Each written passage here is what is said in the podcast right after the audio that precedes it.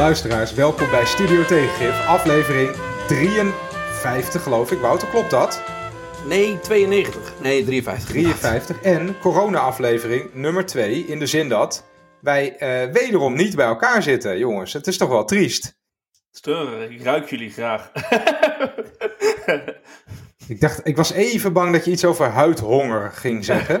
nee, nee, nee, nee. Nee, dat niet. ik, ik, ik zie in het, in het land wel dat steeds meer mensen een soort van elkaar wel gaan opzoeken, maar dan met anderhalf tot twee meter afstand.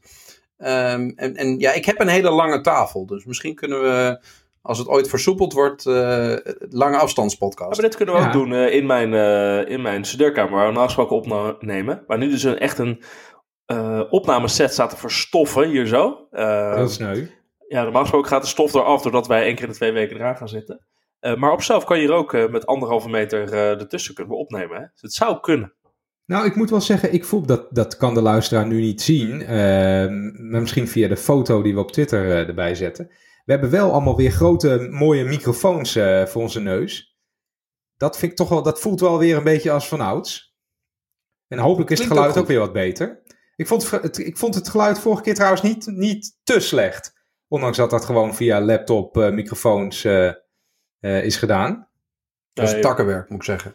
Oh ja, Wouter, Wouter heeft trouwens een edit gedaan. Dus uh, Randy en ik kunnen dit gewoon, uh, gewoon vrij zeggen. Zonder door te hebben wat voor werk erin gezeten heeft. Maar ja, blijkbaar heeft het best wel wat werk gekost om ons zo te, laten, te laten horen. Overigens moet ik zeggen dat ik ben ik heb hele lage standaarden voor geluidskwaliteit en beeldkwaliteit ontwikkeld in deze intelligente lockdown-periode. In de zin dat uh, al die videocalls zijn verschrikkelijk. En inderdaad zijn de meest gehoorde zinnen zijn... Ik zie niemand. Kan je me horen? Uh, je valt weg. Dat zijn eigenlijk de, meest, de zinnen die ik, ik het meest hoor in deze lockdown-periode. Ik, ik werk bij, uh, bij zo'n ministerie dus. En er is vandaag een, een, een mail rondgegaan naar alle medewerkers... met de tien geboden van het videocallen. En daar staan echt dingen in als Zet jezelf op mute als er andere mensen in je ruimte aanwezig zijn. Praat niet door andere mensen heen.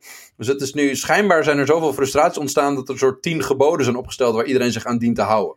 Hier ben ik, hier ben ik heel erg voor. Ik vind thuis, uh, thuis werken, oké, dat is tot daar aan toe, maar dat, dat conference callen, dat is de hel. Op een gegeven moment dacht ik echt, dan maar corona, dan maar gewoon, dan maar in de metro. Kan het nou ook schelen? De lat. Ja, had het over de lat, Wiemar, maar de lat is duidelijk lager gaan liggen. En niet alleen qua beeldkwaliteit, maar ook qua inhoud en qua voorbereiding en alles. Wordt, je, je kan acht uur per dag lullen. Ik, ik doe dat ook af en toe. Ik merk dat ik echt gewoon in hele lange conference call meetings zit. Um, waarbij mensen gewoon hun vroegere drang om lang te vergaderen gewoon omgezet hebben in lang digitaal vergaderen. Omdat het wel gezellig is en omdat sommige mensen hun kinderen spuugzat zijn. Maar dat is wel ook, vermoeiend. Dat is mij ook wel opgevallen, als ik daar wat over mag zeggen. Dat uh, mensen met kinderen, uh, die hebben, mensen worden helemaal gierend gek van hun kinderen. Dat merk ik hier. Ik, ik ben ook benieuwd of dat dan tot, tot meer waardering voor het onderwijs gaat leiden. Want die mensen, die, die arme mensen, die zitten de hele dag met die kinderen. Ja, ik hou enorm van, uh, van mijn dochter. Het is een geweldige dochter ooit. Maar ik heb wel veel meer waardering gekregen voor de kinderopvang. Overigens, op dit moment, terwijl we die aan het opnemen zijn, hoor ik hier achter mij een huilende baby. dat is echt zo. Dan wil iemand niet slapen. Hé, uh, hey, maar nou Randy, waar gaan we het over hebben? Voor zover de thuissituatie. Ja, we hebben weer genoeg, uh, genoeg recensie van het thuiswerk gedaan. maar Wouter, daar willen de mensen het over hebben. Dit is waar ja, het om draait nu. Iedereen wil horen dat het zo rot is. Iedereen heeft het zo zwaar. Vind je dat ook niet opvallen trouwens? Ik zag nu dat de horeca voor zichzelf ging applaudisseren. Nou weet ik wel dat ze allemaal failliet gaan, dat is ook niet leuk. Maar iedere bevolkingsgroep in Nederland. Ik zag zelfs, ik zag zelfs een reclame van de Nederlandse Vereniging van Banken. Die zeiden, in Nederlandse banken wordt keihard gewerkt om het betalingsverkeer op gang te houden. Ik dacht, ja god, nou wil iedereen een medaille hebben. Ik denk dat op een heleboel plekken waar men zegt dat er keihard gewerkt wordt, dat er gewoon ook het grootste deel van de mensen zo half aan het thuiswerken is en een beetje op zijn kinderen aan het passen is. Ja, af en toe even een dutje doen. En, precies. Als, als de baby even op bed ligt, ook twee uurtjes meeslapen en, uh, en Zoom-meetings uitzitten. Drie uur, wijntje open. Krijgt een beetje applausinflatie, krijg je dan, hè? Ja, ja. Uh, Iedereen wil nu een schouderklopje hebben. Nou goed. Mensen, Iedereen heeft het ook zwaar. Iedereen heeft het ook zwaar. We zijn sociale dieren en dan is een lockdown is niet, uh, is niet fijn. Toch? Dus even voor alle luisteraars. Jullie hebben het allemaal zwaar. Schouderklopje voor jezelf. heel zwaar. hey, waar gaan we het over hebben, vroeg jij. En ehm, de titel van deze aflevering is Nederland als anti-gidsland. Uh, met het idee dat nu een beetje duidelijk wordt, daar gaan we het zo natuurlijk over hebben, dat Nederland op heel veel terreinen misschien wel denkt dat we voorop lopen, maar dat dat eigenlijk niet zo is. Misschien zelfs het omgekeerde. Maar we hebben het een paar keer ook niet gedaan gezet, maar we gaan het toch weer over de, even traditioneel over de gekte van de week hebben. Uh, Wouter, volgens mij had jij een mooie gekte geselecteerd.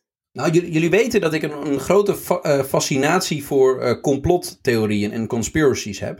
En corona is echt een, een walhalla voor mensen die geïnteresseerd zijn in conspiracies. Ik ben dus zelf niet echt een conspiracy-denker, maar ik ben heel erg gefascineerd door het fenomeen conspiracies.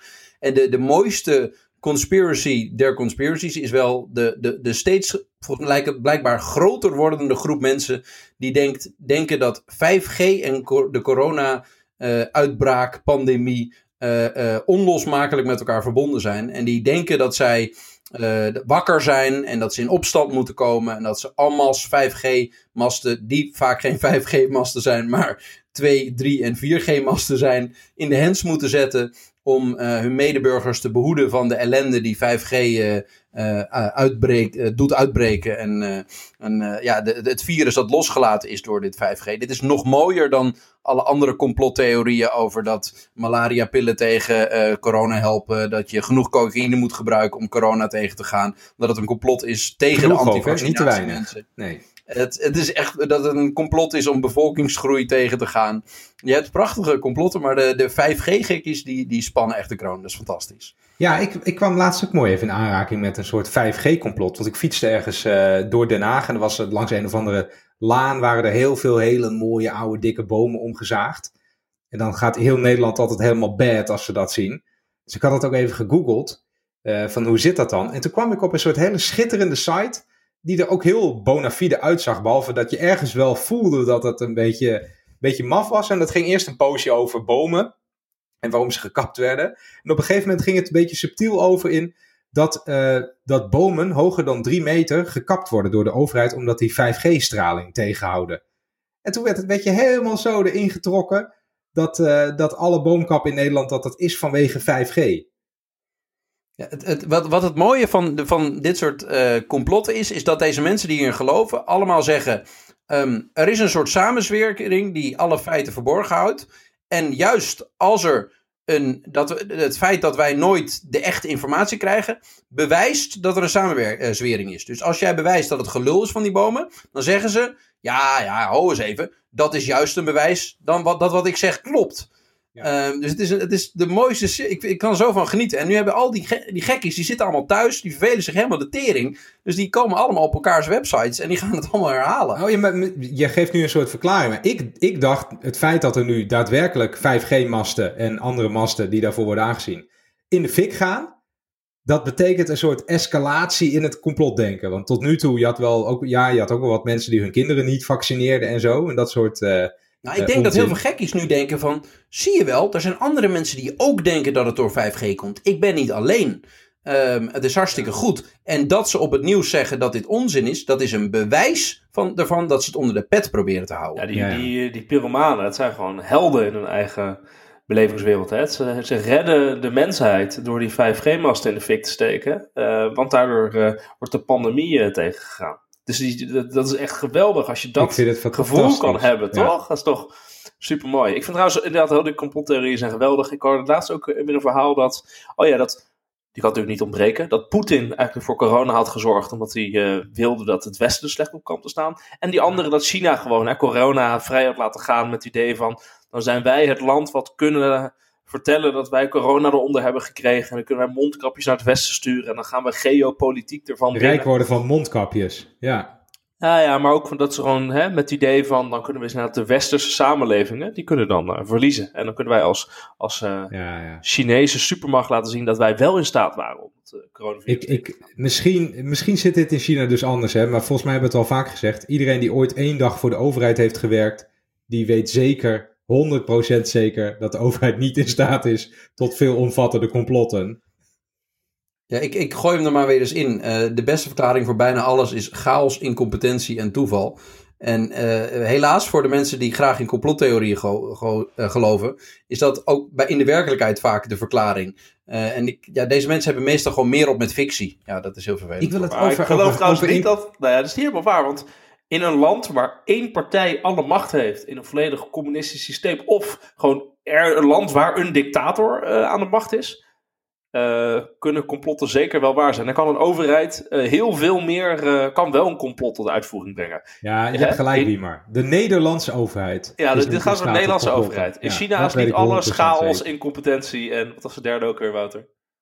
Toeval. Toeval, precies. Ik wil het toch nog even hebben over een andere vorm van chaos en incompetentie. Want hebben jullie ook Zembla gezien over uh, Thierry Baudet en zijn uh, escapades met een, een of andere Russische inlichtingenpersoon die ook uh, gek genoeg Kornilov heette. Dat moest ook. ja, Kornilov. Dat bleef, dat bleef grappig voor mij, hoe tragisch de situatie ook is. Dat, Vooral toen die foto voorbij kwam, dat hij met een soort KGB-hoedje op uh, een, een soort boterhammetje met uh, uh, caviar-eitjes, hoe heet het ook alweer, zat te eten en een, en een slokje wodka nam uit. Ik dacht eerst, dat is nep, jongen. Dat kan niet. Maar dat was hem dus, blijkbaar.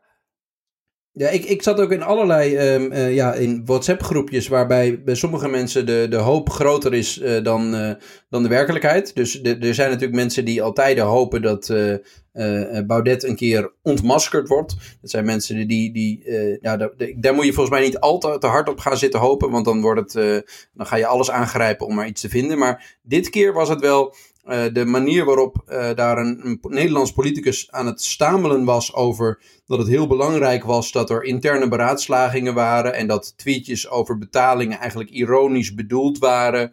Ironisch, um, dat is ook altijd, daar kan je altijd achter ja, dus verschuilen. Als? Als je dus als je die kaarten uit de, de binnenzak moet trekken, je zag ook dat, dat daar echt een heel groot ongemak in zat. En maar de grote vraag is natuurlijk of de borreaaltjes hier meegaan. Oh, de, want, maar ik, ik, de volgers uh, bedoel je? Ja, die zien, ja, die zien dat als een complot, hè? Die, die, dat zijn die, die zien weer, die zien, die was meer, van zie je wel, het is een bewijs dat de massamedia alleen maar onze voorganger kapot wil maken. Dit is een bewijs van wat wij altijd al zeggen, dat die linkse massamedia onze leider kapot wil maken. Ja, ja. Dus ik ben benieuwd hoe het uitpakt. Ja, dat, dat, dat, ze gingen ook allemaal vol, want ik had niet eens door dat, ik kijk nooit uh, de Zembla. Um, dat is even een ontboezeming in de linkse kringen waarschijnlijk. Dat kijk ik moet het altijd kijken omdat ik in overheids-IT-projecten zit. die, falen, die falen dan en dan komen ze in Zembla. ja, precies. maar, de, de, de, de Twitter-feed en dergelijke van Forum, die ging zo los. één dag van tevoren al. Dat ik dacht, god, er kon, er kon wel echt wat aan de hand zijn. Het ging zo. En toen stond hij inderdaad als een vis aan de haak te spartelen voor de camera. Ja, maar jullie hebben mijn appgroepje gelezen. Toen dacht ik, vent, het gaat natuurlijk helemaal niet om dat domme appgroepje. Het gaat erom wat jij met die corny love hebt gedaan. het is wel interessant. En wat, wat er nu hier naar voren komt natuurlijk, is van... Je hebt natuurlijk het verhaal, of ik niet helemaal weet of het klopt, maar het verhaal dat Baudet de politiek ingegaan is omdat hij geen geld had. Dat werd wel, dat, dat werd wel een soort van bevestigd is. voor mijn gevoel. En dat hij daardoor dus ook, uh, dat, hè, dus het, het, het, verhaal dat de NRC hem geen column gaf en dat hij bij de universiteit werd ontslagen en dat hij geen geld had, is politiek ingegaan. Maar nu is dus de vraag, is hij door dat geldnoodprobleem, dus ook inderdaad door de Russen, gespot als een kwetsbaar persoon, een vatbaar persoon, die, ze, die de Russen hebben kunnen gebruiken op Nederlands publieke debat, uh, politieke debatten kunnen beïnvloeden. Dat is natuurlijk wel een interessante. Eigenlijk ben je dan ook Hè? De vraag, eigenlijk is de vraag, is hij chantabel geweest omdat hij geen, uh, geen geld had, uh, Baudet? Hè, misschien is nou ja, dat beeld kwam wel naar voren uit. Die, ik, vond het ook, ik, ik vond het ook duidelijk worden dat die Henk Otte hadden ze er nooit uit moeten gooien. Want die heeft blijkbaar een soort bloed ja, gezworen om iedereen kapot te maken die hem, die hem scheef heeft aangekeken. Want die zei ook, ja, ik heb erover nagedacht, maar ik ga gewoon de waarheid vertellen. Hij liet ook gewoon, hij trok zijn telefoon uit zijn zak en hij liet gewoon die hele oh, zien. Ja, ja, ja. Maar hij had, hij had het wel inderdaad, hij had die appjes wel gewoon verstuurd. Hij was wel scherp toen, hè, van ja, ja. let op met de Russen, let op met de Russen. Heeft dat u dat wel gezegd? netjes. Ja, zegt, zei hij, ja, kijk maar hier. Ik heb uh, vanaf het begin gewaarschuwd en dat dus bleek ook zo te zijn. Maar toen uh, op Twitter waren de Boreaaltjes er wel weer heel scherp bij om, om te vertellen van... Het is ontzettend onbetrouwbaar als iemand in een uitzending direct uh, uh, WhatsApp berichtjes van 2,5 jaar geleden erbij kan pakken. Hoe, hoezo heeft hij dit zo goed gedaan? Die heeft altijd al bedacht dat dit munitie zou zijn tegen Baudet. En zo is het nooit bedoeld. Ja, want hij laat niet het hele... Ja. Hij laat niet het hele gesprek zien. Dit wordt uit onze verband getrokken. Eigenlijk alles wat normaal vanuit de rechtsradicale hoek de, de, de andere kant van het spectrum verweten wordt. Namelijk, uh, dus wat, wat links zegt van dat, dat is aan de rechtsradicale kant gebeurt. Van het wordt te simpel gepresenteerd. U maakt er een karikatuur van. Ja, ja. bladibla. Dat gebeurt nu. Um, en, en dat de, is ook een goed punt. Ik vond dat, dat Baudet verdedigde zich, verdedigde zich ook op een redelijk goed punt. Namelijk van ja, maar ik heb ooit een keer hè, wat flauwe dingen geroepen in een appgroep. Dat, dat vind ik een goed punt. Ja, dat hoort eigenlijk ook niet zo op straat uh, te komen uh, te liggen. Maar wat duidelijk werd, is dat hij hele dubieuze banden had met uh, Russische inlichtingenpersoon. ja, plus het punt dat je dus blijkbaar qua inkomen kwetsbaar bent. Hè? Dus zeg maar de voorstanders van het basisinkomen. Ja, ja, voorstander van basisinkomen, die wel een argument erbij. Hè? Zo in Nederland een basisinkomen had gehad. Was Thierry Baudet niet de politiek niet voor de Russische geheime dienst hoeven te werken. Hij was, niet verantwoordbaar geweest door de KGB. Ja. dus nee, maar ik, wat, wat, ik wilde zeggen is... Hij heeft... Uh, ja, Kornilov. Luid grappig. Wat, hij heeft nog steeds niet uh, uitgelegd wat hij dan wel met die Kornilov aan het doen was de hele tijd. Wat behelste die samenwerking dan wel? Hij verschuilt zich altijd achter bij dit soort mensen achter dat het interessante denkers zijn en dat het boeiende personen zijn om intellectueel mee van gedachten te wisselen. Dat had hij ook met een aantal van die rechtsradicale Amerikaanse neonazies. Uh, dat het daarbij het doel is gewoon omdat het interessante mensen zijn om lang mee van gedachten te wisselen. En dan krijg je dus altijd alleen maar een soort van circumstantial evidence. Dat als jij de hele tijd je omringt met uh, mensen die hele dubieuze dingen doen. Weet ik wel, als ik de hele tijd met Redouan Taghi rondhang dan op een gegeven moment wordt het een beetje dubieus. Ja. Um, en dan kan ik wel zeggen, ja, maar hij vertelt van die goede moppen. Uh, Dan op een gegeven moment, dan krijg je, je kan zo interessant van gedachten wisselen met hem. Ja. Ja.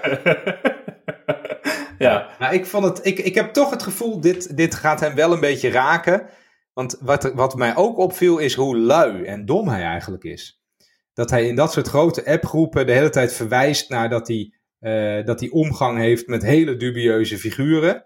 Uh, blijkbaar was het al een soort publiek geheim in die kringen dat dit zo was. Ik wist het niet, maar ik denk dat er al honderden mensen uh, waren die het wel wisten. De, kwets, de, kwetsbaarheid van narcisme is dat. Die, dat is, die gaat uiteindelijk bij dit soort figuren altijd bovenkomen.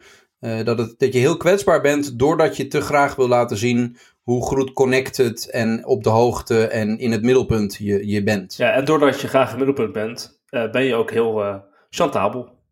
Want iemand die je podium kan geven, dus extra ammunitie vanuit de Russische kant om het debat anders te voeren, waardoor je een schijnwerper krijgt. Dat, dat is natuurlijk de, maar hij heeft het gewoon gedaan. Hè? Bij elke Russische discussie heeft hij gewoon, waar Rusland in voorkomt, heeft hij gewoon gezegd: Ik ben voor de Russen en ik heb bewijzen voor. Ja, ja, waardoor hij een mooi podium kreeg in de Tweede Kamer. En als die Russen wel, opgeleverd. Als die Russen hem wel ooit betaald hebben, of toch een paar dingen hebben gedaan die een beetje discutabel zijn, dan, hebben ze, dan ownen ze hem natuurlijk ook. In de zin dat zij dat dan kunnen onthullen. En niemand, iedereen gaat er al vanuit dat die Russen dat soort dingen doen. Dus dat raakt hun niet als ze dat naar buiten brengen. Ja, die Russen hebben natuurlijk, zeker, die Russen gaan natuurlijk niet met iemand praten zonder op een of andere manier iets van waarde toe te stoppen. Hè? Uh, qua uh, uh, eten, het, drinken, geld, zwart geld. ja, kan je wel van op aan. hey, Wiemar, laten wij eens even naar het hoofdonderwerp gaan. Nederland als anti-gidsland. Ja, dat is natuurlijk een spannende titel. Ja, ja ik vind dat wel lekker. Dat prikkelt mij wel. Lekker, lekker titeltje hoor. Je hebt hem verzonnen. Nou, wij zaten er uh, over na te denken dat het opvallend is dat Nederland op heel veel belangrijke onderwerpen op dit moment um, niet wordt gezien als vooroploper, maar eigenlijk als iemand die een beetje, als een, als een land wat een beetje aan de zijkant hangt en eigenlijk een beetje uh, achter de wagen loopt. En misschien zelfs helemaal de verkeerde kant op loopt. En dat we internationaal uh, wel eens uh, nou ja, slecht worden bekeken. Dat zijn een aantal voorbeelden die leuk zijn om te noemen. Het eerste voorbeeld is bijvoorbeeld nu ehm, de aanpak in Europa van de coronacrisis. Crisis. Zoals jullie hebben gemerkt, heeft onze minister van Financiën en ook onze premier wel, wel een paar tikken gehad. In de zin van: hey, Nederland bleek uiteindelijk het enige land te zijn die heel hard op de rem ging staan om uh, de zuidelijke landen tegemoet te komen om, uh, om de coronacrisis uh, financieel-economisch aan te pakken. Het ging zelfs zo ver dat zelfs Duitsland, onze grote broer Duitsland, um, dat zelfs dat land zei, bij monden van de regering heel duidelijk, wij laten eigenlijk Nederland gewoon een beetje vallen. En Nederland kwam volledig geïsoleerd te staan.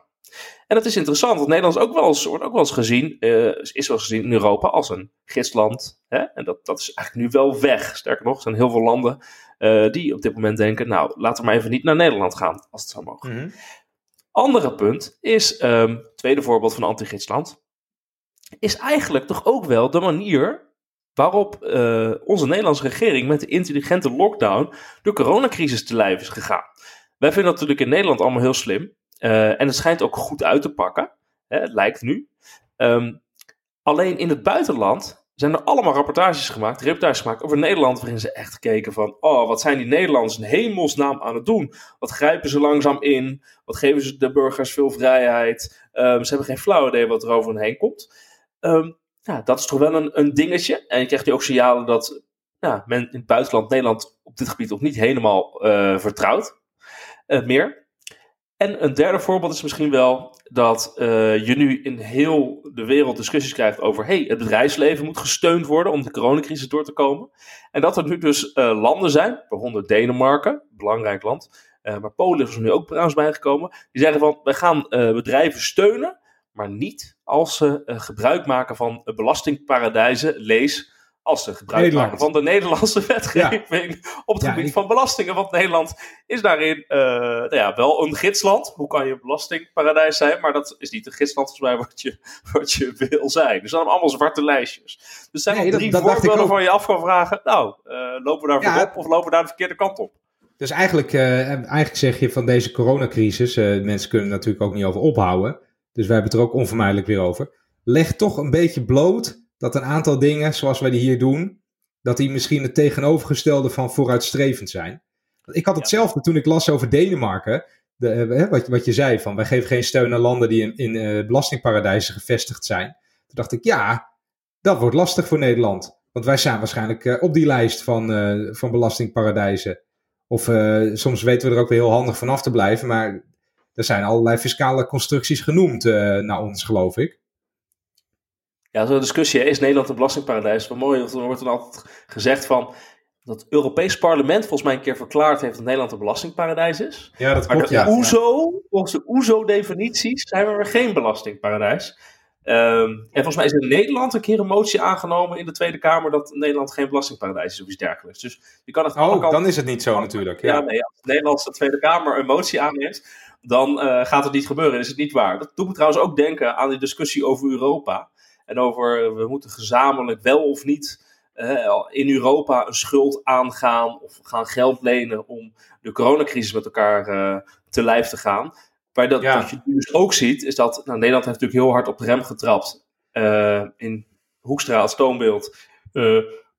nachtenlang doorvergaderd en eigenlijk een paar lettertjes in zeg maar, de uiteindelijke tekst veranderd. Zonder al te veel directe... Zonder betekenis, in feite. Ja. Maar wat je nu ziet, het is nu maandag, de, uh, Angela Merkel, uh, dus zeg maar de baas van Duitsland, heeft net, oh, die. Een, uh, die, nee, ik dacht die andere. Een, een, persconferentie gegeven. En daarin zegt ze eigenlijk, zei ze gewoon, ja, ik kan me best voorstellen dat we voor corona, om de corona-effecten te bestrijden, dat we de Europese begroting oprekken. Dus een grotere EU-begroting, een grotere begroting voor Brussel. Um, en wat ik me ook kan voorstellen is dat we gezamenlijk gezamenlijk als Europese landen uh, schuld aangaan om de gevolgen van de coronacrisis uh, uh, te bestrijden. Sterker nog om, als we uit de, de, coronacrisis komen, om de economische lasten voor andere landen te dragen. Lees voor Italië, Spanje, Griekenland, noem het dan maar op. En dan denk je, ja, als Duitsland dit zegt, dan gaat dat allemaal gewoon gebeuren. Of in ieder geval een vorm hiervan. En dan kan Nederland die laten, wel... die laten Hoekstra dus keihard uh, vallen. Sterker nog, Merkel is dus wel gids. Die doet gewoon een paar stappen vooruit. Zegt, we gaan hier naartoe oh. met, met, Duitsland, met Europa. En als Duitsland zegt gewoon, het is voor ons, het is voor solidariteit. Want het is een hele grote pandemie. Er kan niemand wat te doen in, in Europa. En het is ook nog eens een keer uit eigen belang. Want we hebben als Duitsland Europa nodig. En we hebben een economie nodig. Ja, en dat zijn toch geen woorden die zo uh, duidelijk bij de Nederlandse regeringsleiders uh, vandaan komen. En wat ik eigenlijk interessant vind, wat ik nog niet veel zie langskomen, is dat dit eigenlijk heel hard de eerste tekenen zijn van de Brexit. Ja. Dat Nederland volledig alleen staat in haar um, uh, soms wat, wat anglo-saxische boekhoudersmentaliteit. die gebaseerd is op kortstondig de, de staatshuishouding enigszins op orde houden. Um, en daar staat, soms had Nederland daar op het Europese niveau nog Groot-Brittannië als bondgenoot. En dat is nu gewoon weg. En een tweede ding dat je heel duidelijk ziet, is dat, we, hebben we het al tien keer over gehad in onze podcast, wij hebben een soort van natuurlijk wantrouwen in Nederland tegen iedereen die de leiding neemt. Dat, dat, we vinden eer, als jij de leiding neemt, dan, dan gaan we eerst heel lang wantrouwen. En als je daarna doet, precies doet wat we zeggen, dan mag je misschien een beetje je best doen. En je ziet er in heel veel andere landen dat men begrijpt dat een pandemie misschien niet het beste moment is om iedereen's stem even belangrijk te gaan laten vinden. Een democratie is een mooi iets, maar als je dan eenmaal leiders gekozen hebt, dan is het handig dat die ook beslissingen kunnen nemen. Ja, en daar houden Nederlanders niet van, uh, natuurlijk. blijkt het echt, je, iedere beslissing die er genomen wordt, kan eigenlijk rekenen op minstens 51% aan tegenstand. Um, en je ziet dat in, in Frankrijk, in Duitsland, Italië, uh, in de UK. Uh, daar, daar zit er, is er duidelijk op het centrale niveau het besef van: oké, we moeten nu gewoon besluiten nemen en daar staan wij voor. En in Nederland wordt er heel erg mee geschermd van: we doen alles op basis van de experts. Dat is het enige waar je het dan op kan afschuiven. De experts hebben het gezegd. Um, maar in die andere landen is het gewoon iemand die zegt: jongens, u heeft mij verkozen. We zitten in, een, in de grootste crisis sinds uh, tientallen jaren. Ik heb de leiding en ik ga dit doen. Maar Nederland eh, is het, ja, daar, daar, daar houden wij zelfs in deze tijd, vinden we dat niet fijn als iemand dat doet. Nee, maar het is nog wel erger natuurlijk in dit, in dit, op dit moment dat. Uh, uh, ik ga het één keer zeggen, namelijk dat het is natuurlijk wel heel bijzonder als zeg maar Duitsers nog beter snappen wat solidair zijn is dan, dan Nederland. Dan gaat er wel iets helemaal fout.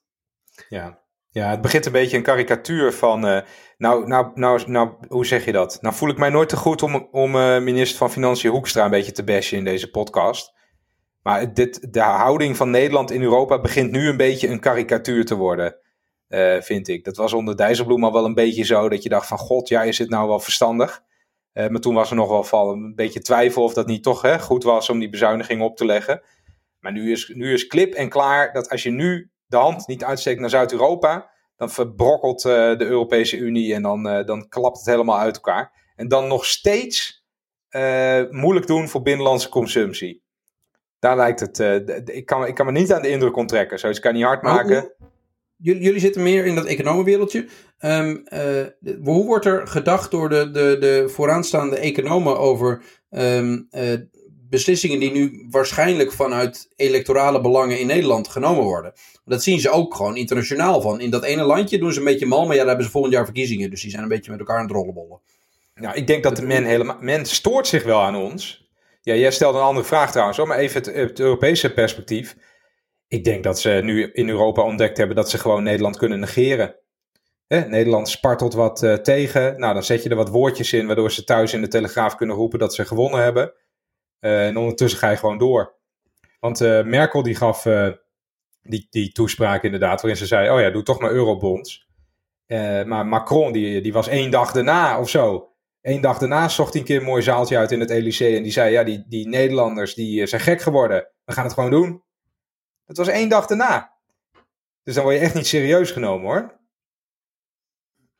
Denk je daar helemaal gelijk in hebt, Reddy. Inderdaad. Uh, ja, nou, lekker. Goeie discussie. Nou ja, het is wel bijzonder. Want, uh, want het lijkt net alsof Nederland. Nederland staat nu gewoon zeg maar helemaal aan de zijkant van het, van het, van het bordspel. Helemaal aan de zijkant. En gaat het nog alsnog uh, gewoon uh, nachtenlang doorlopen vergaderen op een paar woordjes. Het eind van de rit gebeurt gewoon waarvan de Tweede Kamer zegt dat ze het niet willen. Er is in de Tweede Kamer gewoon een motie aangenomen om Hoekstra. Dus wel naar Europa te sturen, naar Brussel te sturen, via de videocall. Maar wij hebben gezegd, oh ja, je mag uh, geen eurobonds, je mag geen gezamenlijke schuld opnemen in Europa. En er moeten voorwaarden gesteld worden. En dat is gewoon een onmogelijke missie. En, uh, uh, maar ja, de Tweede Kamerleden willen dat graag, want er zijn verkiezingen inderdaad volgend jaar. Want het is een goede binnenlandse electorale boodschap. En dan moet uh, Hoekstra moet maar een paar uh, zinnetjes in het, in het akkoord zien te krijgen. Die er effectief niet, niks toe doen. Echt helemaal niks te doen. En komende donderdag is er weer een eurotop. En dan gaan we alleen maar verder richting Europese schuld, Europese integratie, Europese instrumenten om de coronacrisis te betalen. En Hoekstra moeten we doen alsof hij gewonnen heeft. Ja, ja en Hoekstra die gaat, wel, die gaat nog meer problemen krijgen de komende tijd. Want we hebben hem natuurlijk al wel eens eerder belachelijk gemaakt om de aankoop van KPN. Wat, wat KLM. volgens mij, KLM, KPN, K, de Koninklijke Luchtvaartmaatschappij, bedoel ik. Uh, wat, wat toen al benoemd werd als de duurste verkiezingscampagne aller tijden in Nederland. Want wat heeft hij, wat heeft hij er ongeveer aan uitgegeven? Uh, anderhalf miljard of zo, ik weet het niet eens meer uit mijn hoofd. Om 14% van de aandelen te kopen. Nou, die zijn nu ongeveer 100 miljoen euro waard nog. Maar nu krijgt hij het dilemma, en daar wordt achter, de, het blijft heel goed uit de, uit de media voor mijn gevoel. Want achter de schermen wordt er natuurlijk al over gesproken. Wat gaan wij doen met Air France KLM? Want het is hartstikke failliet. En uh, wij hebben ons blijkbaar. Het gekke is, we hebben het eerst verkwanseld. Wat Nederland met KLM heeft gedaan, dat is echt het toppunt van domheid. Dus aan de ene kant wil je het hebben, maar je verkwanselt het dan. Vervolgens heb je het dus wegverkwanseld. Dan doe je eerst heel, een poosje nog van ja, nee, maar uh, de, de, blauwe, de blauwe letters blijven op de gevel. Nou, uh, dan op een gegeven moment kom je erachter dat die Fransozen totale scheid aan je hebben. Dan koop je voor veel te veel geld, koop je 14% van de aandelen. Dat levert je niks op. Iedereen boos, Frankrijk boos. Vervolgens gaat die hele tent failliet. En dan mag je, uh, dan mag je gaan betalen om de boel te redden. Sorry, maar dan ben je toch gewoon knettergek geworden. Dit, dit klinkt een beetje zo bijzonder. Nee, het lijkt erop iemand zit in een spelletje poker en die heeft ingezet en die denkt kut, dit ga ik nooit winnen. Maar als ik nu... Ja, nee, Al mijn geld op tafel gooi, dan lijkt het net dat ik goede kaarten heb. Ja, ik, ik, gewoon bluffen jongens. Gewoon doen alsof het, een, of het prima was. Ja. Uh, het, is een, een, mooi voorbeeld van pot committed zijn. Wat, wat, het maakt nu niet uit wat Hoekstra doet. Als, het, als KLM ja, het failliet geduurd. gaat. Het heeft te lang geduurd.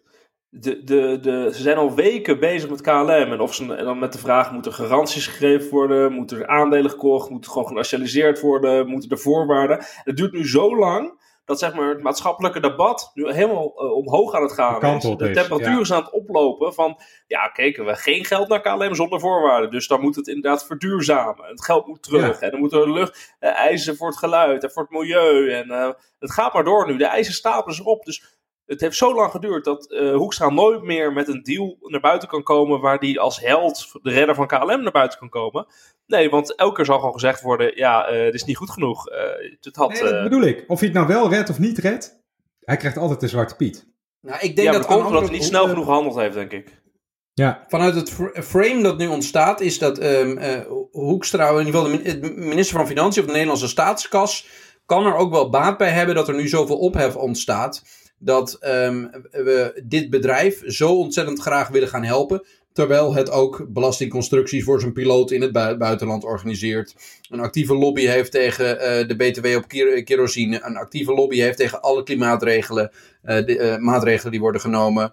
Um, uh, ik denk dat, dat het, het kan ook vanuit uh, het belang van de minister van Financiën positief zijn dat er nu zo'n maatschappelijke druk komt op deze mogelijke bijdrage die je vanuit jouw potcommittedheid ja, ja, uh, ja, zou willen doen. Dat, is waar. dat, je, dat je aan de onderhandelingstafel kunt zeggen van jongens, ja, het spijt me, maar ik, dit kan ik echt niet doen. Um, verkoopt u maar een paar van die, van die vliegtuigjes van je.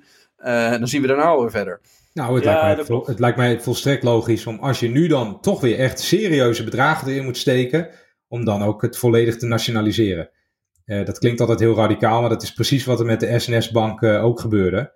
Uh, zo'n bank was failliet en nu is zo'n luchtvaartmaatschappij is in principe failliet. Ja, dan zijn de aandelen ook 0 euro waard. Waarom zouden de aandeelhouders wel, niet moeten bloeden hiervoor? Het verschil wel is dat met de financiële crisis, zeg maar, is dat die banken, die toen genationaliseerd werden, dat was echt gewoon uh, in een paar dagen gebeurd, midden in de nacht. Ineens was er een persconferentie. Die heel de wereld was verrast, zeg maar. En dat ja, is nu, dat is, te, druk, te druk bezig met uh, achterhoedegevechten in Brussel. Ja, dat is waar. Dat is waar.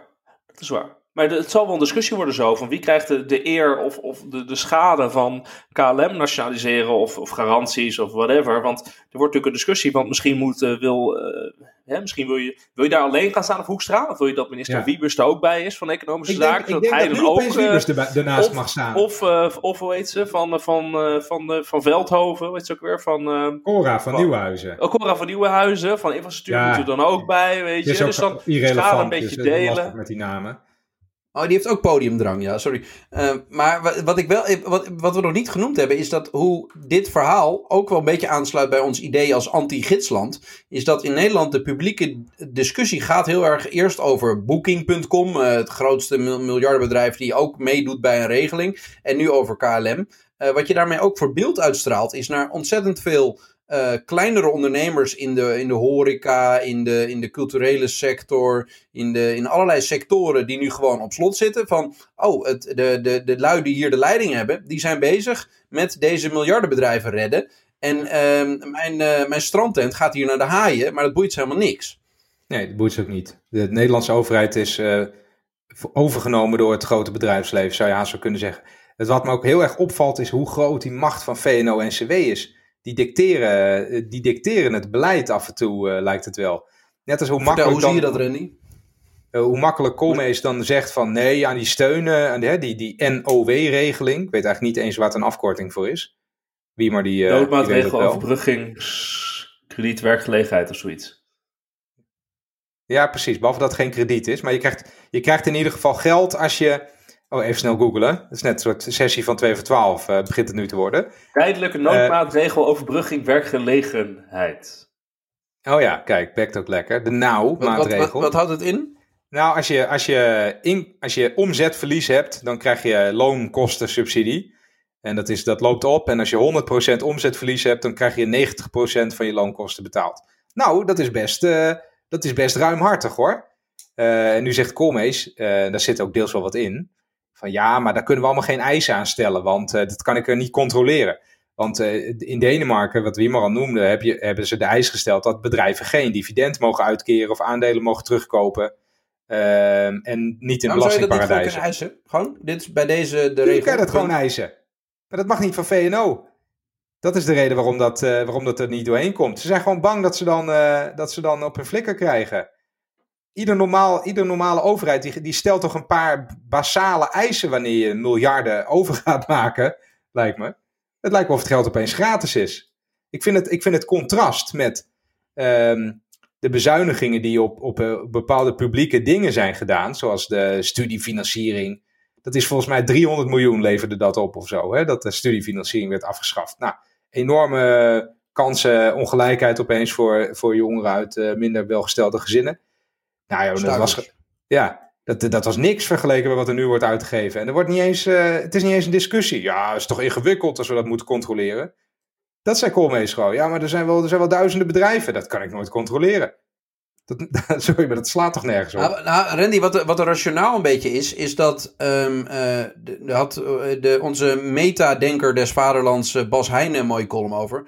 Is dat heel veel mensen die hun ideologie al op de plank hadden liggen, die smijten die nu allemaal in het publieke debat. En wat ons kabinet voor uitgangspunt heeft, is dat er nu eigenlijk niet, zo min mogelijk vanuit een ideologie um, gehandeld mag worden. In ieder geval, dat is het verhaal. Hè? Dus wanneer je um, uh, dit soort noodzakelijke maatregelen uh, doet om de loonkosten van verschillende ondernemingen die gewoon door die lockdown kapot gaan te dekken, dan willen ze daarbij zo min mogelijk aanvullende maatregelen nemen die uitgelegd zouden kunnen worden als ideologisch bevlogen.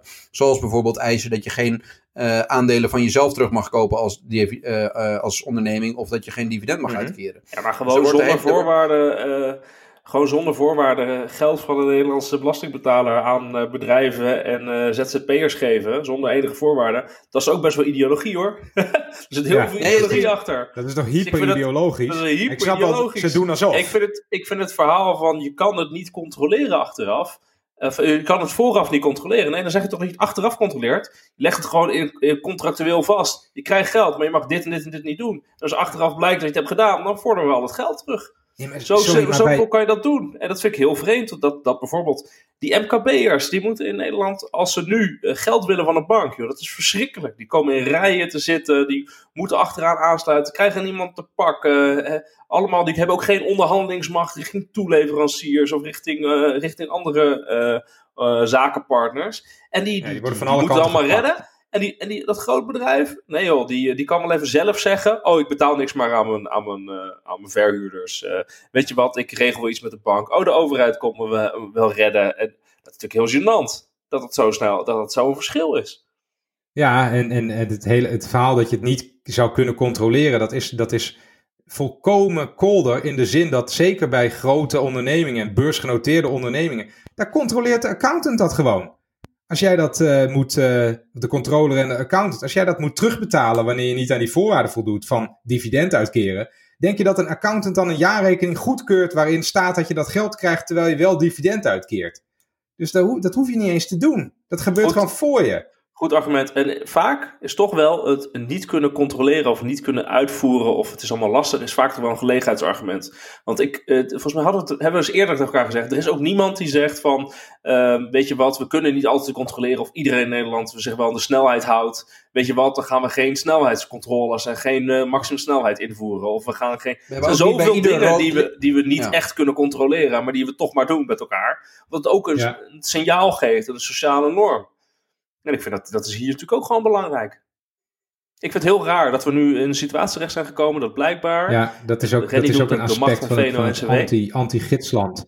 punt dat jullie ook aandroegen was dat... Uh, jij zei net, Randy, dat VNO-NCW eigenlijk ontzettend veel invloed heeft op ons kabinetsbeleid. We hebben het in een eerdere podcast ooit een keer met hoe heet die, uh, onze maat uh, Robin Fransman genoemd dat Nederland een verzorgingsstaat voor bedrijven is. Ja, absoluut. Hebben we genoemd dat um, zelfstandigen die krijgen nu grotendeels een soort van basisinkomen als je, uh, uh, als je een onderneming hebt.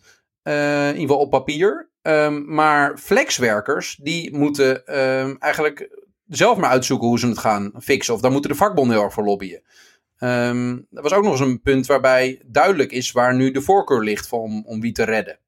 Nou ja, dat is wel duidelijk. Ja, als je nu geld krijgt, dan ben je goed. En als je niks krijgt, dan ben je blijkbaar slecht uh, voor de economie of niet belangrijk.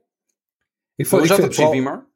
Ja, eh, wat Renny zegt, dat, dat, klopt helemaal. Kijk, het is natuurlijk interessant dat de regering in het eerste pakket, noodpakket, meteen komt met die regeling waar we het net over hebben gehad. Dus overnemen van, eh, van, uh, van werkgelegenheid. Dat ze zonder voorwaarden gewoon betalen, zeg maar. Zonder aanvullende eisen.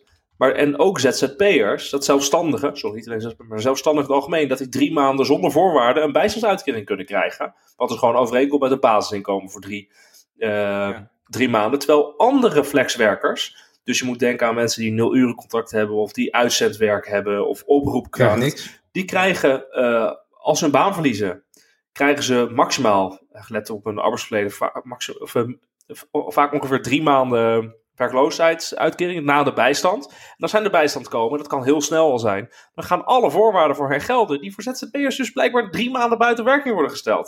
Dat is heel raar. Dat uh, laat inderdaad wat Randy uh, zegt. Laat eigenlijk zien dat je geeft ermee het signaal af wie is er goed in deze economie voor Nederland en wie niet. Er wordt blijkbaar gezegd, grote bedrijven zijn goed. Dus gaan alle werkgelegenheid overnemen, kosten van de overheid. Geen voorwaarden over dividend, uh, aandelen, inkoop, noem het maar op, uh, belastingparadijzen. En ZZP'ers, zelfstandigen krijgen gewoon drie maanden basisinkomen. Dus die zijn ook, ook goed, want ze moeten jullie helpen. Ja. Maar die flexwerkers, uh, ja, als jij een uitzendkracht bent, of een oproepkracht, of een urenkracht, ja, jammer joh. Dan heb je of uh, de WW, of je moet het maar uitzoeken. Je gaat je huis maar verkopen, of op het inkomen van je partner leven. Succes! Ik vind het ook heel opvallend dat, uh, en dat gaat echt nog wel een staartje krijgen, dat uh, ZZP'ers nu die uitkering, ik weet niet eens hoe die uitkering heet, die uitkering krijgen die jij noemde. Tozo. De toon, dat zijn goede naam. Tijdelijke, over, tijdelijke overbruggingsregeling zelfstandig ondernemers? Dat klinkt logisch, Mooi. die laatste Mooi. O. Ja. Mooi. Wel ook overbodig. Zelfstandigen had je ook kunnen zeggen. Maar klinkt leuk. Dat, zij, zij betalen daar natuurlijk geen premie voor. Hè? Ze krijgen nu een soort werkloosheidsuitkering waar ze nooit premie voor betaald hebben. Ja. Nou, nou wil ik dus niet zeggen dat dat niet zou moeten gebeuren, want ik denk dat dat heel verstandig is om mensen nu uh, een steuntje te geven. Omdat anders de economie in, in een hele harde dip komt. Ik denk dat dat nog wel naar voren gaat komen. Dat Nederland dat nu verstandig doet. Net als heel Europa overigens. Hè. Uh, maar dat, dat bepaalde groepen geen premie hoeven te betalen.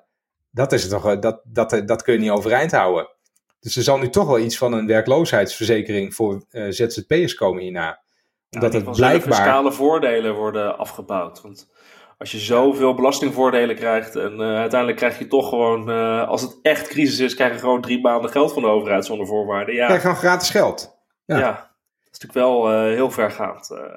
Maar ik, ik, denk dat je alsnog echt de, de solidariteit ondermijnt wanneer naar buiten komt dat als jij toevallig ZZP'er bent en geen sociale premies hebt betaald, je dan direct drie maanden hierop kan rekenen. Maar als jij een flexwerker bent met een nul uren contract, kan je hier niet op rekenen, terwijl je eigenlijk wel sociale premies hebt betaald.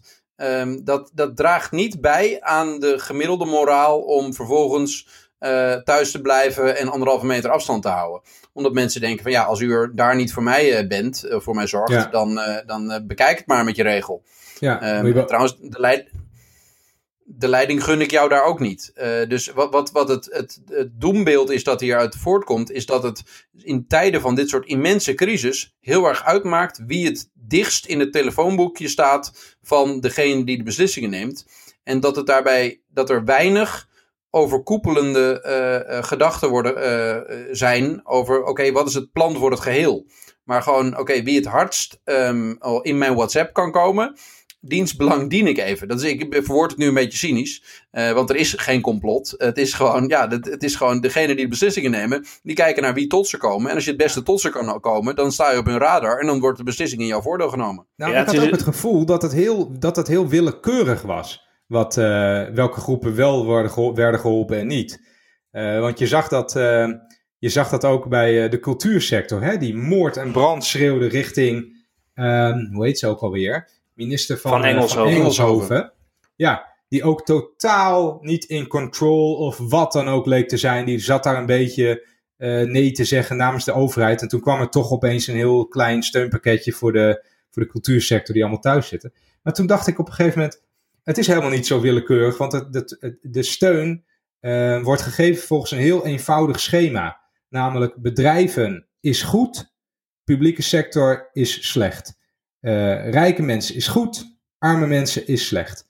Dat is ook het onderscheid tussen, tussen flexwerken en, uh, en ZZP. Hè, waarbij de flexwerkers duidelijk wat lager uh, op, de, op de ladder zitten. maar de publieke sector roept, roept al een aantal jaren van... hé, hey, het gaat helemaal missie, want we hebben ernstige geldtekorten. Nou, dat valt echt volkomen doof oren. Je moet eerst twee weken staken voordat je, voordat je wat krijgt. Maar het bedrijfsleven, die, nu gebeurt dit. En het is heel terecht ook dat het, dat het nu gesteund wordt... Maar het gemak waarmee dat gaat en de totale afwezigheid van voorwaarden, die verraadt gewoon waar de prioriteiten liggen. Ja, en inderdaad ook, zoals Wouter het zegt, wie de sterkste lobby heeft. Hè? Ja, de sterkste lobby ligt blijkbaar gewoon bij VNO-NCW en bij MKB Nederland. En vandaar dat heel goed wordt in het pakket heel erg wordt gekeken naar de bedrijven en naar de zelfstandigen. Want die hebben daar heel veel duidelijke lobbypower achter zitten. En dat flexwerkers, die natuurlijk door de vakbonden moeten worden vertegenwoordigd, die hebben blijkbaar minder, minder lobbypower op dit moment. Hetzelfde geldt voor de kunst- en cultuursector, want die hebben ook vaak bonden hè, die voor hen werken. Ja, die bonden die hebben, en kunstorganisaties hebben gewoon minder, minder kracht. Op een of andere manier. Ik, ik, ik verwijt het, uh, de, de lobby's van deze uh, partijen die het wel goed voor elkaar boksen, ook totaal niet. Die komen goed voor zichzelf op. Um, maar het is meer een soort van het systeem waar, waarvan je ziet dat er uh, eigenlijk wel ideologische prioriteiten onder liggen. Uh, die heel erg naar voren komen. En die uitgelegd worden als in: nee, wij doen wat er nodig is. Nee, joh, het is hartstikke ideologisch wat je aan het doen bent. Nou ja, ja een, van de dingen, een van de dingen die, die natuurlijk echt wel uh, niet pijnlijk, ja, wel pijnlijk eigenlijk, wel pijnlijk was, was dat ze nu zo'n noodloket hebben voor ondernemers. Hè? Dus als jij wordt geraakt door de, door de lockdown-eisen uh, als horeca en uh, nog het andere, hè, dan, dan mag je 4000 euro krijgen van de Rijksoverheid. Zonder voorwaarden weer. Gewoon 4000 euro. Uh, om, je, om je vaste lasten te betalen. En er was dus de vraag van RTL Z aan de regering: waar komt die 4000 euro vandaan? Buiten dat het een keer in een lobbybrief heeft gestaan van MKB Nederland. Ja, er was geen enkele, geen enkele nee. onderbouwing voor te vinden. Terwijl in, in Duitsland bijvoorbeeld hebben ze ook zoiets. Maar dan hebben ze het afhankelijk gemaakt van de grootte van je bedrijf en de kosten. Dus dat, dat, beleid daar is veel rationeler. Waarom? Ja, omdat er niet zo 1, 2, 3 gewoon direct uit de lobbybrief wordt overgenomen door, uh, door het ministerie van Economische Zaken en Klimaat. Er wordt er gewoon echt over nagedacht. Nee, maar dit, hier word ik dus een beetje cynisch van. En daarom zit ik ook zo cynisch te ranten vandaag.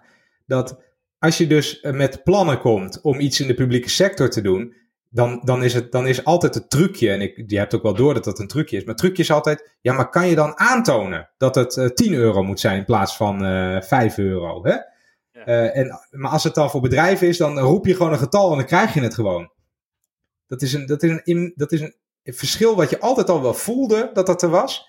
En nu wordt dat weer zo duidelijk. Ik denk dat het inderdaad is wat jij zegt, Wouter, dat mensen uh, dat toch ook als oneerlijk gaan ervaren. En daar meer hun kont tegen de krip gaan gooien straks. Ik denk dat je nu ook een beetje die fase waarin iedereen happy de peppy achter de nieuwe vader des vaderlands aanloopt, dat die nu al een beetje voorbij is. Je zag ook dat mensen, uh, ik zag ook op Twitter zag ik ook iemand zeggen van, oh het is dag 53 na de eerste coronabesmetting en de mondkapjes komen binnen. Want er stond stond een soort triomfantelijke foto dat er een lading mondkapjes met een KP, KLM, KPN zeg ik het weer, met een KLM-vliegtuig binnen was gekomen. alsof, oh, kijk, ons is capabel besturen. En volgens mij was dat ook Bas Heijnen die dat, die dat inderdaad in dat stuk uh, schreef, wat je zei, uh, Wouter, dat, dat dat een beetje een soort derde wereldlandachtige vibe gaf. Dat wij dan staan te juichen als er een vliegtuig uit China binnenkomt met hulpgoederen. Dat vond ik ook wel. Uh, is alsof wij een soort van Afrikanen zijn die hier staan te juichen bij een vliegtuig dat met rijst aan komt zetten. Ik ben, het klinkt een beetje luguber, maar ja, dat, mensen begrijpen dat ik niet gemeen bedoel. Ehm, maar wat, wat ik me wel afvraag is dat of, uh, tot nu toe is er natuurlijk echt gespro veel gesproken over de, de populariteit van Rutte, die dit echt als een staatsman aanpakt en, en de leiding neemt en geen politieke spelletjes uh, speelt en zich boven het politieke spel plaatst. Um, de vraag is of dat kan standhouden. Um, bij die, die moeilijke uh, keuzes die groepen misschien uit elkaar zou kunnen drijven. Dus zoals vooral in de, in de sociale sector en economische sector uh, genomen zijn. Waarbij er dus regelingen voor sommige groepen worden opgericht die niet voor andere groepen gelden. Daar heeft Rutte zich tot nu toe niet aan hoeven te branden. Dus, daar, dus dat soort uh, dingen zijn nog steeds, laten we zeggen, sectoraal bepaald. Waardoor je als minister-president je er niet echt mee verbonden wordt. Hij wordt vooral verbonden met het daar staan, uh, uitleggen wat de maatregelen zijn, uh, een wekelijkse persconferentie, uh, de leider nog proberen uit te hangen. En, en ik, ik ben benieuwd of wat jij zegt van um, dat, dat dingen die gewoon echt niet echt lekker zijn georganiseerd, of dat ook gaat afstralen op degene die de voorzitter is van een kabinet. Ja, hoe langer het gaat duren wel. Dus in de zin van, van zeg maar, zolang het crisisgevoel er blijft bestaan en er is een leider nodig om de crisis te bezweren, uh, is Rutte helemaal veilig en zal iedereen zien van dit is de man die ons moet helpen. Maar straks, als het rustiger zou worden, je weet niet of dat nog een half jaar duurt of een jaar, of dat nog voor de komende verkiezingen is. Maar dan gaan mensen, dan gaat er vragen komen. Kan er een, ik denk dat er gaat sowieso iets van een parlementair uh, nou ja, onderzoek komen natuurlijk naar de hele aanpak van de coronacrisis. En, de, en of, de, of de overheid op tijd... Na het gebrek aan testen, na het gebrek, het gebrek aan, testen, hebben we op tijd gereageerd, uh, welke informatie was beschikbaar, noem het maar op. En de grote vraag is, kijk, de oppositie gaat natuurlijk dat, als de crisis voorbij is, ergens einde van het jaar eisen dat onderzoek komt voor de Tweede Kamerverkiezingen van maart 2021. En dat gaat, de, de oppositie gaat het eisen en... Uh, de, de, de coalitie, in ieder geval de VVD, is er alles aan doen om dat tegen te houden dat, dat is natuurlijk een spel wat je nu de komende tien uh, maanden gaat zien.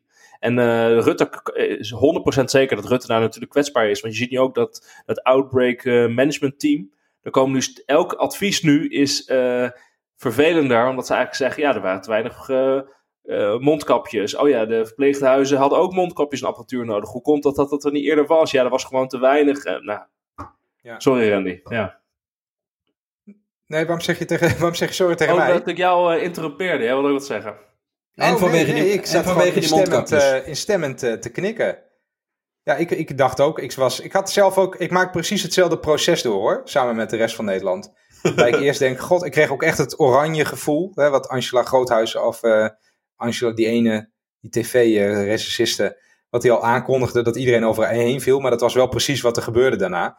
Want je voelde je toch een beetje verbonden hè, en ging je applaudisseren voor de zorg. Dacht je, god, het is ook wel, uh, toch wel goed dat we dit doen. Maar ja, nu, nu begin je toch langzaam af te vragen van, kunnen wij, zijn we dan zo'n achtergesteld land dat wij niet zelf uh, medische testen kunnen doen? Of dat we niet zelf zo'n ontzettend eenvoudig product als mondkapjes uh, in voldoende mate voorradig kunnen hebben?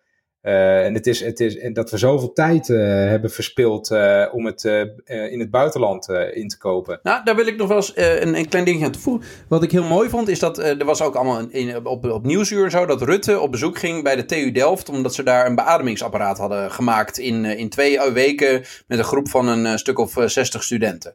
En um, er was toen uit de UK een vraag gekomen van kunnen jullie dat beademen? Wij willen er, eh, er, er, honderden hebben of duizenden. Uh, en toen hadden ze gezegd nee, sorry, dat kunnen wij niet doen. We gaan nu voor de focus op de Nederlandse markt. Maar wij stellen het, uh, de manier waarop we dit maken wel open source aan jullie ter beschikking. Dus jullie mogen, we vertellen precies hoe het moet. Kun je het zelf gaan bouwen. En wat ik interessant vond, is dat dus uh, een groot gedeelte van onze economisch model is gebaseerd op intellectual property. Het idee dat jij weet hoe je een product op een bepaalde wijze met een proces kan maken. En vervolgens kun je geld verdienen door daar uh, dat uh, toe te passen en daar um, een, een, economisch model op te baseren. En wat deze studenten deden was, die zeiden gewoon van wij hebben een briljante manier gevonden om zelf een, een, een beademingsapparaat te maken. En beste, beste wereld, dit is hoe we het doen. En de uh, minister-president van een, een, laten we zeggen, een pro-markt of een, een, liberale partij, die staat daar om te zeggen: van jongens, dit open source model, dit is gewoon goed in deze tijden. En ik had wel een klein beetje hoop dat dat voor meerdere sectoren een soort van voorbeeld zou zijn. Dat hoe je een mondkapje maakt, hoe je allerlei andere middelen die we nu uh, nodig hebben. Wat er gebeurde met dat Zwitserse uh, medicijnbedrijf, die ook gedwongen werden om hun receptuur Roche, te hoe heet het ook alweer? Ja, maar het komt, Roche, maar dat komt alleen omdat het crisis is, hè, dit Wouter. Dat, dat, dat die studenten dit openzetten, het, het mhm. open source neerzetten, is één, omdat het studenten zijn die geen geld hoeven te verdienen. Dus als het een bedrijf geweest, als het nooit open source neergezet. Of in ieder geval als ze, de geld, ja, als ze iets voor geld willen hebben. En uh, wat er ook gewoon te maken heeft, is van, joh, het is, het is crisis. Nederland heeft nu beademingsapparatuur nodig, heeft nu mondkapjes nodig, heeft nu, en dat willen we hebben. En we zijn afhankelijk van het buitenland om te maken. Dus wordt het open source neergezet. Ja, maar er zit een element, ik, ik snap wat je zegt, maar er zit ergens ook een element van onomkeerbaarheid in. Ja, Want, dat uh, het doet, waar het mij aan doet denken is uh, dat, uh, dat boek van uh, Paul Mason, Post-Capitalism. En hij omschrijft daarin, en um, wat het meest bij mij is blijven hangen, is het voorbeeld van Wikipedia. Want hij zegt, mensen kennen Wikipedia natuurlijk wel, maar even toch. Uh, dat is een non-profit uh, uh, organisatie. en die leven van donaties, voor zover ze dan geld nodig hebben. En ze zijn dus bekend van Wikipedia. Maar hij zegt, Wikipedia had best een commercieel bedrijf kunnen zijn. Hè? Dat je met enkele honderden mensen zo'n site maakt, een digitale encyclopedie. Maar uh, nu eenmaal uh, het Wikipedia bestaat zoals wij dit kennen, op non-profit basis, gaat er nooit meer een commerciële Wikipedia komen. Want uiteindelijk is dit, deze non-profit, uh, deze coöperatieve variant, die is efficiënter wat dat betreft. Ehm, en ik voel ook hetzelfde gebeuren voor de, voor de farmaceutische industrie een beetje. Want straks is er ergens een land, of een wetenschapper of whatever, die vindt het vaccin tegen corona. Ehm, als je een beetje uh, als je een beetje deugt, dan zeg je nou, dit gaan we niet patenteren. Dit wordt vrij uh, toegankelijk voor iedereen. Wat volgens mij ook de uit, dat is ook, dat overigens is het wel eens een keer eerder gebeurd. Wat mijn verhaal natuurlijk een beetje onderuit haalt. Bij de uitvinder van het polio uh, vaccin, geloof ik. Die zei nee, dit ga ik niet patenteren. Iedereen die kan hier gewoon gebruik van maken. En die werd niet gewaterboard tot hij het vrij gaf? nee, ja, die heeft het recept gewoon uh, gepubliceerd. Of hoe, hoe, dat ook, hè? Hoe, hoe dat ook werkt. Maar ik denk als mensen nu gaan zien van ja, die farmaceutische industrie die heeft zich er eigenlijk tussen gewurmd. En er zijn gewoon allemaal wetenschappers aan het werk, gewoon voor de goede zaken. En die, doen, uh, die, die willen ook voor een normaal salaris dat onderzoek doen.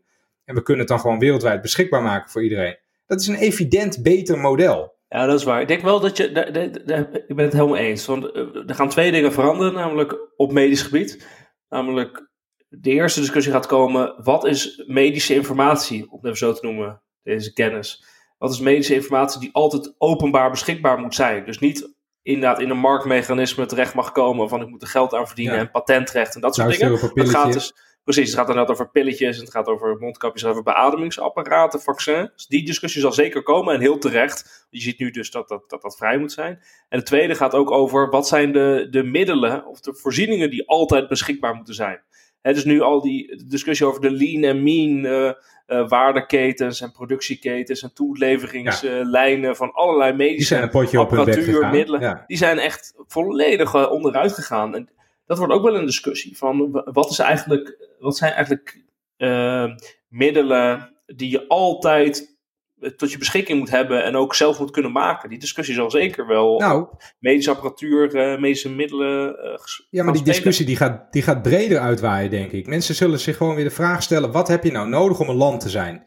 En blijkbaar vinden we dat we bijvoorbeeld een luchtvaartmaatschappij nodig hebben. Nou, daar zit ook echt wel wat. Nee, maar er zit echt wel wat in hoor, vind ik. Nou, ik vind dus, een potje eten toch handiger.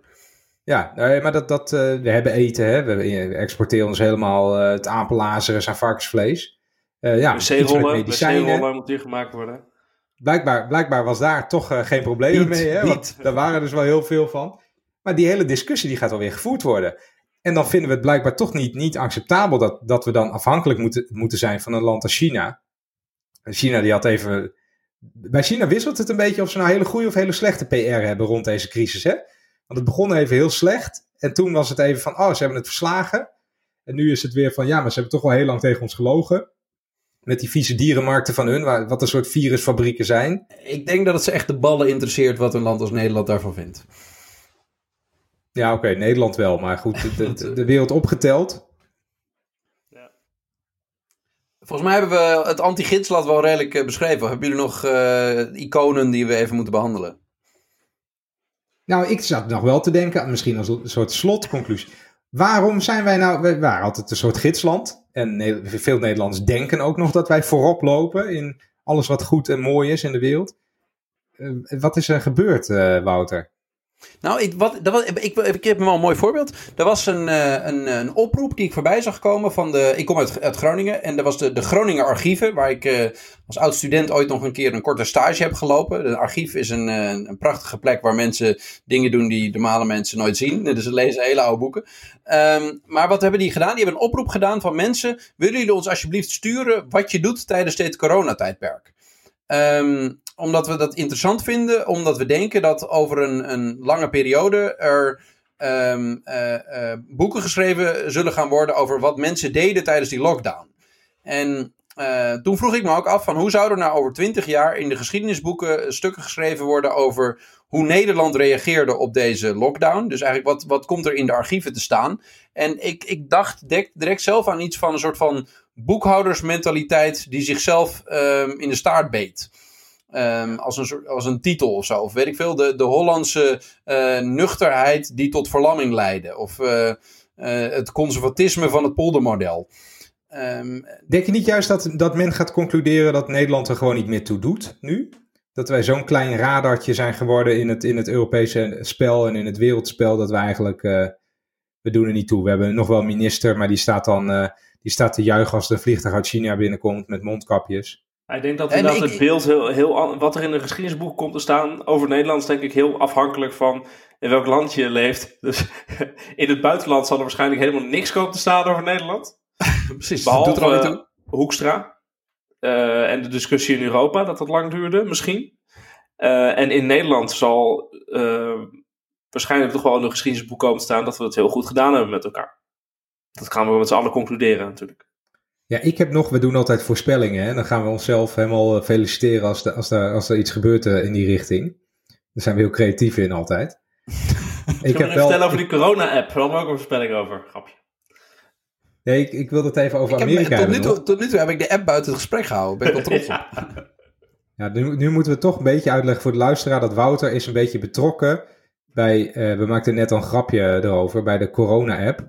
Waarbij, nu, waarbij we het grapje maakten van dat, dat het niet vaak is dat op de voorpagina van het NRC staat uh, hoe, hoe je het hebt verkloot op je werk. Maar dat was een grapje, want dat is helemaal niet zo, toch Wouter?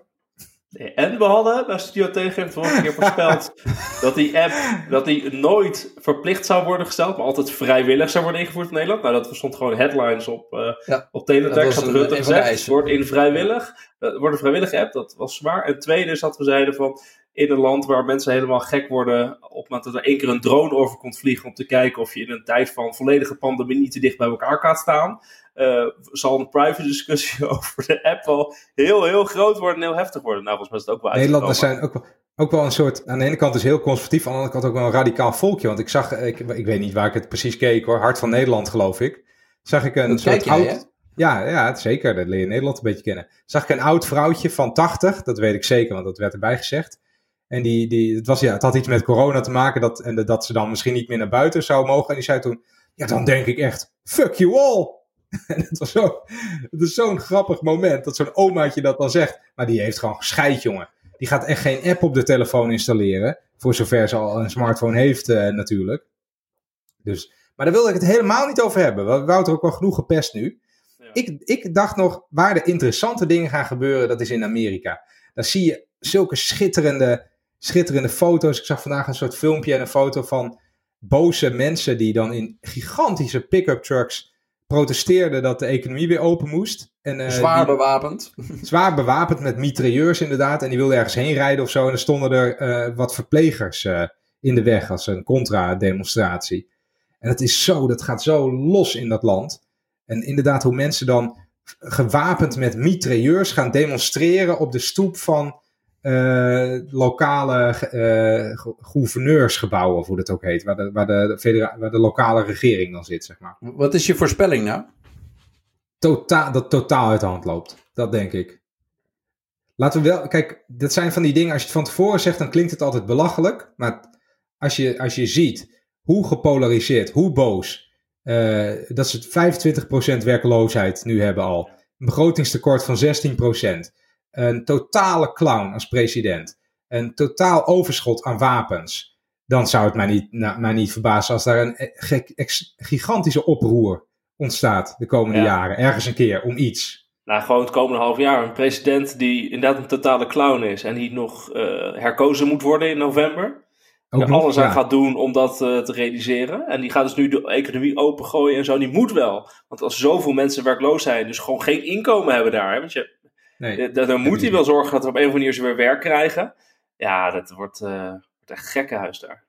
Ja, en dat basisinkomen, wat ze daar dus ook hebben ingevoerd, waarbij iedere Amerikaan, uh, god, hoeveel krijgt oh ja, ze? Twee keer duizend, zijn naam wel, zijn naam is een foto, moeten we op de check, hè? Zijn, ja, nou denken mensen dat je grapje maakt. Van, dat van die foto is een grapje, maar zijn naam oh. staat erop. Oké, nee, dat klopt, klopt. Dus, uh, nou ja, inderdaad, van die check mocht alleen maar uh, op papier hebben. Dus een check werd op papier naar alle Amerikaanse huishoudens gestuurd, want het kan dus niet digitaal blijkbaar in het land. Man. Ja, nee. Eh, de, Nederland denk je echt, wat is dit voor gekte? Maar op papier een check en er moest dan de naam van Trump opgeprint worden, waardoor het ook vertraging opliep. Hè? Dus, ja, gestoord. Er, er, gebeuren daar steeds vaker dingen. Het was altijd al een beetje een opmerkelijk land. Maar er gebeuren nu echt dingen waarvan ik denk: dit is te gestoord voor woorden. Het is, gewoon een derde wereldland met een veel te groot leger. Ja. En al die gouverneurs gaan, uh, die gaan de schuld krijgen van Trump. Hè?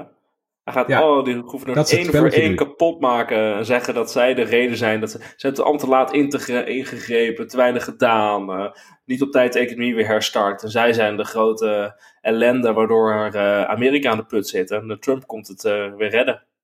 Ja, dus daar gaat het, dat, dat is even mijn voorspelling van de week. Daar gaat het mis op een manier, dat heb je nog niet gezien tijdens je leven, denk ik.